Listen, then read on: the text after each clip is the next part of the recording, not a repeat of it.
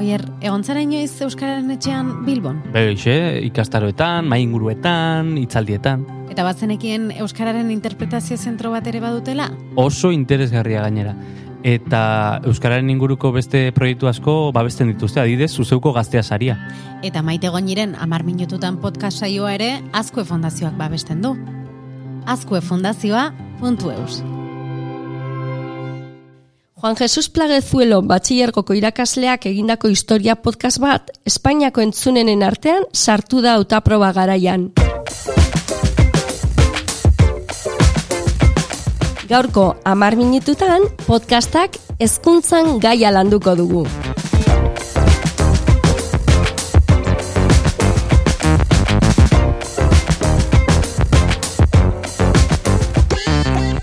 Oier, eta azteko ez diazu galdetu behar zer dan podcast bat, ez? Ez, ja, e, lehenengo piloto hartan esan genuen zertzen podcast bat. Hori da. Eta, eta guri entzuten, gure saioa entzuten duenak, ez, ba, suposatzen da badakiela. Badakiela. Ala ere agian gogoratu berko, nuke. Bueno, bai, podcast bat mm, esan dezakegu RSS jario bitartez eta Bai. ne, ba, mugikor eta ordenagailuetan erreproduzitzeko banatzen den multimedia fitxategia dela, ez hori e, olako definizioari erreparatuz, Bai. ez berez izango litzateke audio formatoan normalean Bai. banatzen da eta horrelako plataformetara igotzen da ba e-books eta horrelakoetara eta hoiek baia ba, notifikazioa jasotzen dituzu e, kapitulu berri bat edo saio berri Bai. bat igotzen denean eta barrez RSS bidez. Hori da, hainbat e, host daude e, audioak igotzeko eta e, RSS bidez banatzen dira e, audioiek plataforma ezberdinetara. Mm, Gure kasuan, adibidez, e, amar minututan, banatzen da Spotify, Google Podcast, Apple Podcast, plataforma Bai, guztietan. hori da, behin artxiba izan da, ba, Bai. edo zein plataforma erabil automatikoki, bai. Eta, eta e, konsumitu daiteke, e, bai mugikorretik, ordenagailutik, edo dozein, e, e, Bai. inklu, e, incluso e, Smart TV batetik. Mhm. Edo kotxean, edo, Edo kotxean, eta bai. bar. Ba, badakizu, 2005an izendatu zuela New Oxford American Dictionaryk bere hitza e, urte horretako hitza hori ere esanguratsua da, eh? Bai. 2005an hitz egiten ari gara, bira zenbat pasatu dan, eta badirudi, ba, une hon, a- honetan, ba, ari direla pixka bat e, podcastak, ba, gora jotzen, ez? Hori dirudi, hori dirudi. E, 2004an okerrezpanago BBC-ko kazetari batek sortu zuen izena, eta gerora, ba, ba, e, esan dezagun, 2004 arte, nahiko modu lasaian pasazela, ez? Eta, eta hortik aurrera, ba, etorri da, Bai. etorri den dana. Eta oraintxe bertan, ba, ba edo zein esparrutako e, podcastak topa ditzakegu, baina gaur hitz egingo dugu, ba, hezkuntzan zertarako erabilitezken eta ze onurak izan ditzaken, ze proiektu Ze, eta bar. ze albiste kuriosoa pla, plagezuelo zena, eh? ba, bueno, ba, erabiletako bat izan liteke, ez? Baina, kao, e, igual pixka bat hasierara jo behar dugu. Mm. Ezi berri hogei hogei markoan ere aipatzen da e, ba, ikasleen kompetentziak aipatzen dira eta besteak beste komunikatzeko kompetentzia ikasle jakin behar dute ondo komunikatzen bai ama hizkuntzan eta bai beste hizkuntza batean edo bi hizkuntzetan eta baita kompetentzia hainbestetan hitz egin duguna saio honetan kompetentzia digitala. Orduan e, bi hoiek uztartzen ditu edo uztar ditzake horrelako podcast proiektu batek hezkuntzan. Mhm. Eta, e, adibidez, kasu konkretura joan da, e, historia podcast batek nola lortzen du horrelako eragina? Ba, bueno, autaproben atarian, e, Errepasatzeko, Errepasatzeko, edukia, e, ba, pentsau, eh? podcastak hezkuntzan bi modutara erabilitezke. Bata da, justu Juan Jose honek egin duena, ez? Izan liteke bere edukia grabatu, grabatu, grabatu, eta ordun ikaslek nahi dutenean entzun, entzun, entzun. Ordun ze abantaia ditu mota honetako grabazioak? Ba, edo zeinunetan hogeita lau ordu zentzun dezakezula, nahi adina, ez daukazu irakaslea bertan izan behar, ordun e, mm, eduki bat erreproduzitzea oso erresa da. Orduan, ba, bueno, horrelako erabilera izango itzateke erabiletako bat. adibidez, nik irakurtzen nion irakasle honi, e, ge, gerora, entzun baino, berain nahiago zuela, e, klasean gaia landu baino lehen, entzutea e, kapituluak ikasle. Ai, baino hori beste justu oier pentsamendua bizkat irakurdia zu, ez? Horri deitzen zaio Flip Classroom eredua Aha. eta horri buruz e, beste podcast bat egin behar dugu. Ze ondo. Bai, bai, bai, eta ordun hau ere aipatuko dugu, ez? Baina e, ez, nahi- ez dut sartu nahi horretan orain, ze justu bat daukeu propio horretarako. Primeran. E, baina, bueno, onurak begibistakoak dira, ez? Ba, e, edozein iunetan e, eduki hori izan dezakezu, eta ikasleek jaitsi egin dezakete, edo streaming bidez, bueno, streamingean entzun, eta bar.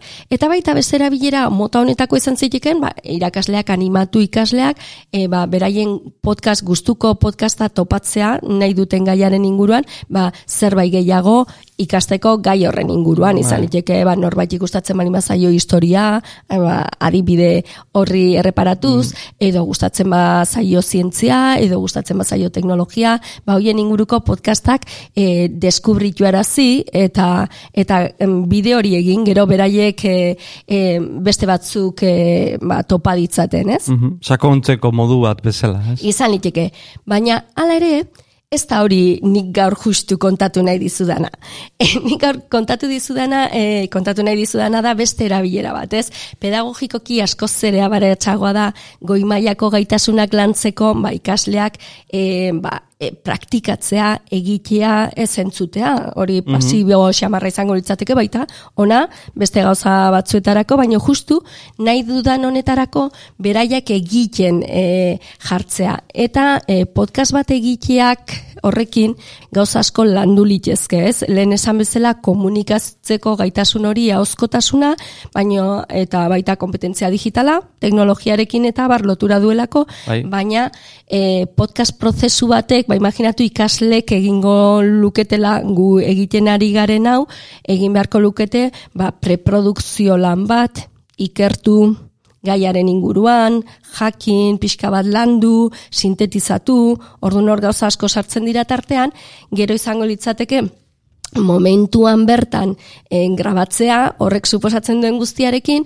eta gero ondoren ba, postprodukzio lana egitea ba, audioa editatzea, musika, efektuak eta Bai, lanketa eta handi- ez? lanketa handi bat dago hor, ez? Lanketa handi bat dago. Eta da, azterketa baterako ikasi beharrean, zeure e, ba, podcasterako ikastea, ez? Karo, karo, karo, eta orduan e, prozesu horiek metodologia aktiboekin e, egin litezke, ez da, ba, bueno, prozesua ondo eratuta balima dago, gainera e, esaten da e, benetan errealak ero, egoera errealetan kokatzen badira ikasleak, ba, askoz ere beraien jakimina, askoz ere eta erantzukizuna, baita gehiago areagotu egiten dala, ez, adibidez imaginatu norbaitek edo talde batek podcast bat duela, Bai. eta orduan ba gurasoek eta ingurukoek entzun dezakete eta komentatu eta ba, jaso beraien mugikorretan hoiek ere ba da modu bat ikasleari protagonismoa emateko eta prot- eta ematen diozunen aukera ikasleari ba, bere lana diseinatzeko, bere produktua egiteko, ba, beti ere konpromisoa askoz ere handiagoa da. Integrating podcasts in the classroom is a modern necessity for teachers of all subjects and grade levels. Teachers can create recordings of lessons and lectures, and students can then take the information that they have learned and incorporate this information into a creative podcast about the specific topic. Podcasting allows for differentiation in the classroom. You can simply record a lecture and have the students play it back and listen to it as a review, or you can make it more student centered by taking a project based learning approach. By taking this approach, the students are writing the scripts and acting out the podcast.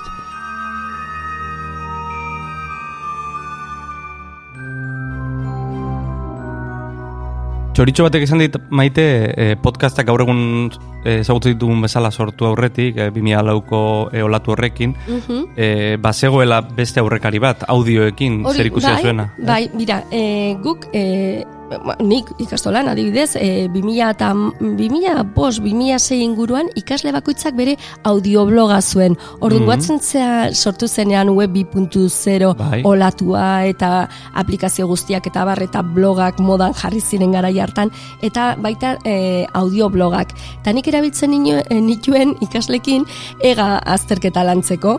Orduan beraiek egiten zutena eh, zen garai hartan irakurri egarekin lotutako ba, testu bat eta bar Bai. Eta gero laburpen hori ahozkotasuna lantzeko ba, audioblogean botatzen zuten eta gero beste ikaslek egiten zutena zan e, komentatu eta e, saiatu kritika konstruktiboak egiten ba, ze errepikatutako hitzak edo egiturak edo horre alderdi horretatik, ez, aberaz, hizkuntzaren aberastasuna.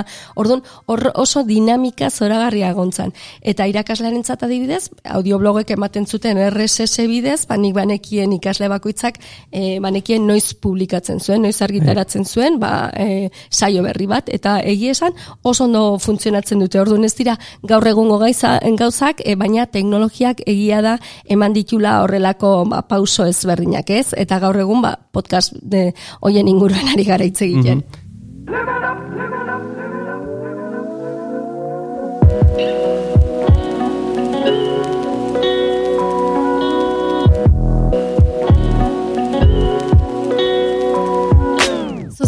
hainbat podcast ekoizten ditu astero astero. Guztiak podcast.eus webgunean topa ditzakezu. podcast.eus. Gainera webgunean bertan topatuko dituzu podcasten munduan murgiltzeko argibide guztiak. Zuzeu podcast. Zure hizkuntzan mintzo diren istorioak.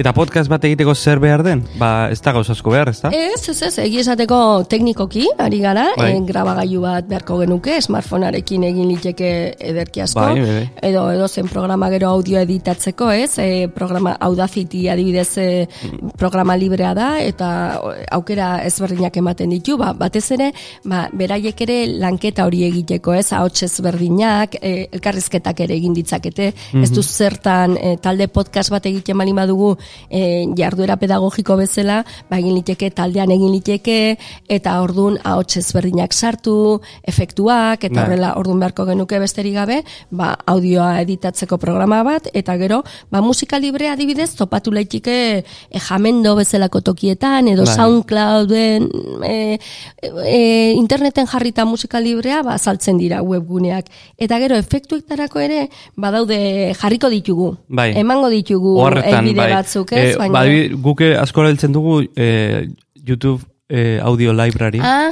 YouTube audio- audio library dauka zerrenda handi bat eh, ala foli efektuena, eh, soinu efektuena eta, eta bestiena, eta gainera horiek guztiak eh, erabili daitezke guztiz libre. Eh? Aha, bai, bai, eta gero daude, ba, Sounds Abound bezala eskoletan erabiltzen dana, edo Sound, Sound Bible, eh, la, Biblia, Bai, soinuen Biblia, edo Royalty Free Music, eh, horrelako Bai, desiente hainbat, daude, bai. ez, badaude haun- E- hainbat. e- eta azpimarratu, eh, azkenean, eh, bueno, gaur egun kalidade oso Ba, duinean grabatzeko bai. baliabideak oso erresa direla, ba- eh, badude mikrofonoak oso ondo grabatzen dutenak oso Bai. merke, eta USB sarrera dutenak, eta zuzenean ordenagailu, edo zein ordenagailutan sartuta grabatzen dutenak, ez Bai. da behar gauza hundirik. eh? Bai, orduan hemen diferentzia handi egongo litzateke, ba, besterik gabe audio bat grabatzea zari bagara, edo ja lanketa gehiago dauken zerbaiti buruz ari bagara, ez? Eskolako proiektu baterako balin badanik apustu egiten dut, ba, bueno, faseak oso ondo diseinatu, gidoia tartean sartu, eta orduan bukatzeko esan, ba, baita, mm, behin audioa daukeula, ba, beharko genukela, lehen aipatu dugun, plataforma horietako bat, ba, izan iteke e-books edo itakon bat igotzeko eta zabaltzeko, mundura zabaltzeko gure ahotsa. Hori da.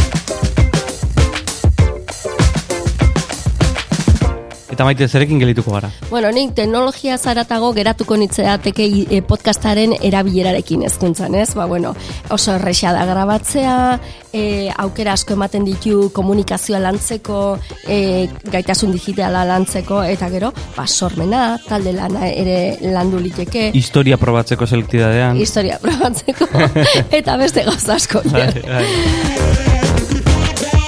Bueno, Jer, baus izan da gaurko saioan ekarri dudana. Oso ondo, e, bueno... E, Gai hau ez dauke zalantzai gustatzen zaizunik, ez da? Ba, dudari gabe, dudari gabe. Gu jarraituko dugu gure e, saio ontatik e, jendeari erakusten godu, irakasten godu. Pixka bat, pixka bat, venga. Urrengo arte. Urrengo arte, aio.